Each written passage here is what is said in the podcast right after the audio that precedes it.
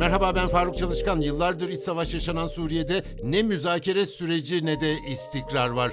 Şam merkezli rejim seçimle meşruiyet aradı ama birçokları bu işi tiyatroya benzetti. Anadolu Ajansı'nın İdlib muhabiri Burak Karacaoğlu'yla Suriye'nin bir tablosunu çıkaracağız. Burak merhaba. Önce kısaca seçimden bahsedelim mi? Niye hukuksuz, niye tiyatro? Merhaba. Evet, Suriye'de sizin de belirttiğiniz gibi Beşar Esed rejimi 10. yılını gerini, geride bıraktı iç savaşta. ikinci kez sözde devlet başkanlığı seçime gidiyor. Bu savaş, bu seçim neden hukuksuz? Esasında ülkede e, 2011 sayımlarına göre 22-23 milyon civarında sivil yaşıyordu. Ancak bu sivillerin 6.6 milyonu Suriye'yi terk etmek zorunda kaldı. Yine 6 milyon 700 binden fazlası da Suriye içerisinde yerinden edildi ve rejim bölgesinde, rejimin ele geçirdiği, rejimin kontrol ettiği bölgelerde yaşamak istemeyen siviller de muhaliflerin kontrol ettiği alanlara geldi. Bu seçimlerin meşru olmasını, olmadığını Suriye muhalefeti de e, siyasi liderler de yine Suriye'den vurguluyorlar.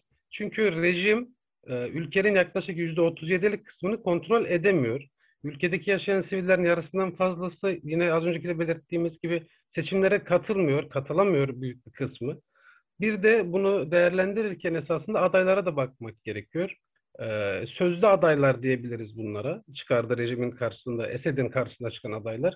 Birisi eski devlet bakanı Abdullah Sellum, diğeri de yine kendisini ulusal muhalefet olarak tanımlayan e, Ahmet Meri isimli adaylar var. Bu adayların bir sosyal medyada ve e, yakından takip etmeye çalıştık açıkçası. Sosyal medya profillerine baktığımız zaman e, Instagram'da örnek veriyorum Abdullah e, Instagram'da 33 kişi takip ediyor. Facebook'ta 300 kişi takip ediyor. Düşünün koskoca bir ülkede e, aday oluyor. Devlet başkanlığına sözde devlet başkanı aday oluyor ve yani 300-400 kişi takip ediyor. Yine diğeri de rejimi sürekli öven, rejimin politikalarını öven, rejimin işte kanlı eylemlerini Doğu ele geçirmesini öven Ahmet Meri. Bu da e, yine rejim sürekli propagandasını yapan bir aday.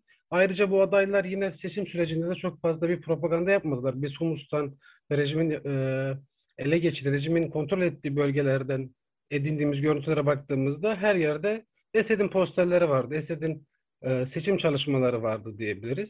Dolayısıyla bu seçimleri e, esasında biraz da bu tabandan ilgilen e, şey yapmak gerekiyor, bakmak gerekiyor. Suriye muhalefeti buna tiyatro gözüyle bakıyor. Siviller biz görüştüğümüz siviller İdlib'de de yine e, Suriye'nin farklı bölgelerinde de görüştüğümüz siviller bu seçimleri tamamen tiyatro nitelemesinde bulunuyorlar ki e, tırnak içinde kendi aşılarına göre evet haklılar diyebiliriz. Buna yine Türkiye ve dünyadan tepkilere bakmak gerekirse Türk Dışişleri Bakanlığı da dün bir açıklama yaparak Suriye rejimi tarafından düzenlenen seçimlerin halkın hür iradesini yansıtmadığı, gayrimeşru bir nitelik taşıdığı vurgulanmıştı.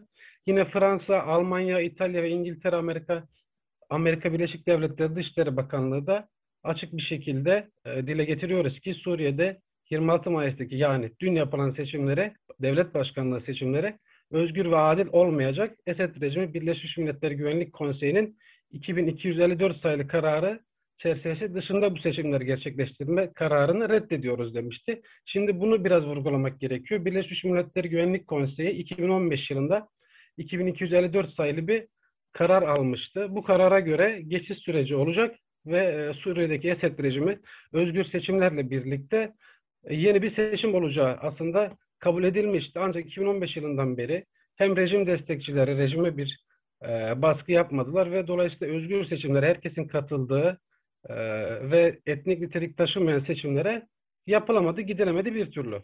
Şimdi Burak, e, sahadaki durumu konuşalım mı? E, şimdi rejimin belli yerlerde hakimiyeti var. Bir de yabancı askeri güçler de yerlerini koruyor. Bunlardan bir Amerikan askerlerine karşı eylem oldu. Oradan başlayıp sahadaki durumu bir toparlar mısın?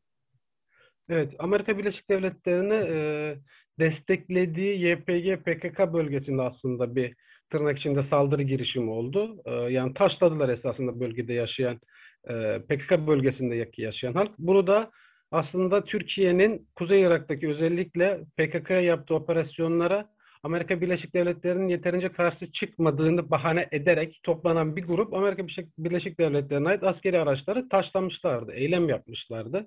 Şimdi Suriye'de Esed rejimi dedik %37'lik alan aş- yaklaşık kontrol edemiyor.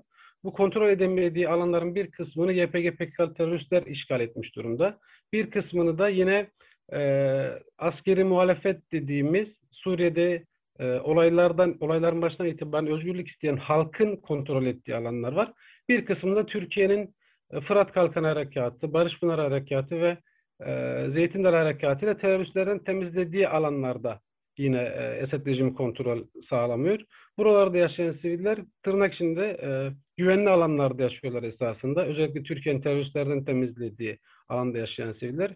İdlib'de de yine e, geçtiğimiz yıl Mart ayında e, Türkiye ve Rusya arasında bir ateşkes imzalanmıştı. Bu ateşkese genel olarak uyulduğunu söyleyebiliriz. 4 milyon sivil yaklaşık bir yıldır, bir yıl aşkın süredir çok fazla ciddi saldırı olmadan, evet zaman zaman rejim güçleri bu ateşkesi ihlal ediyor ama e, geçmişe nazaran baktığımızda çok büyük kanlı saldırılar olmadan bir yıl aşkın süredir güven içinde yaşıyor diyebilirim. Burak Karacaoğlu'na teşekkür ediyorum. Bizi hangi mecrada dinliyorsanız lütfen abone olmayı unutmayın. Hoşçakalın.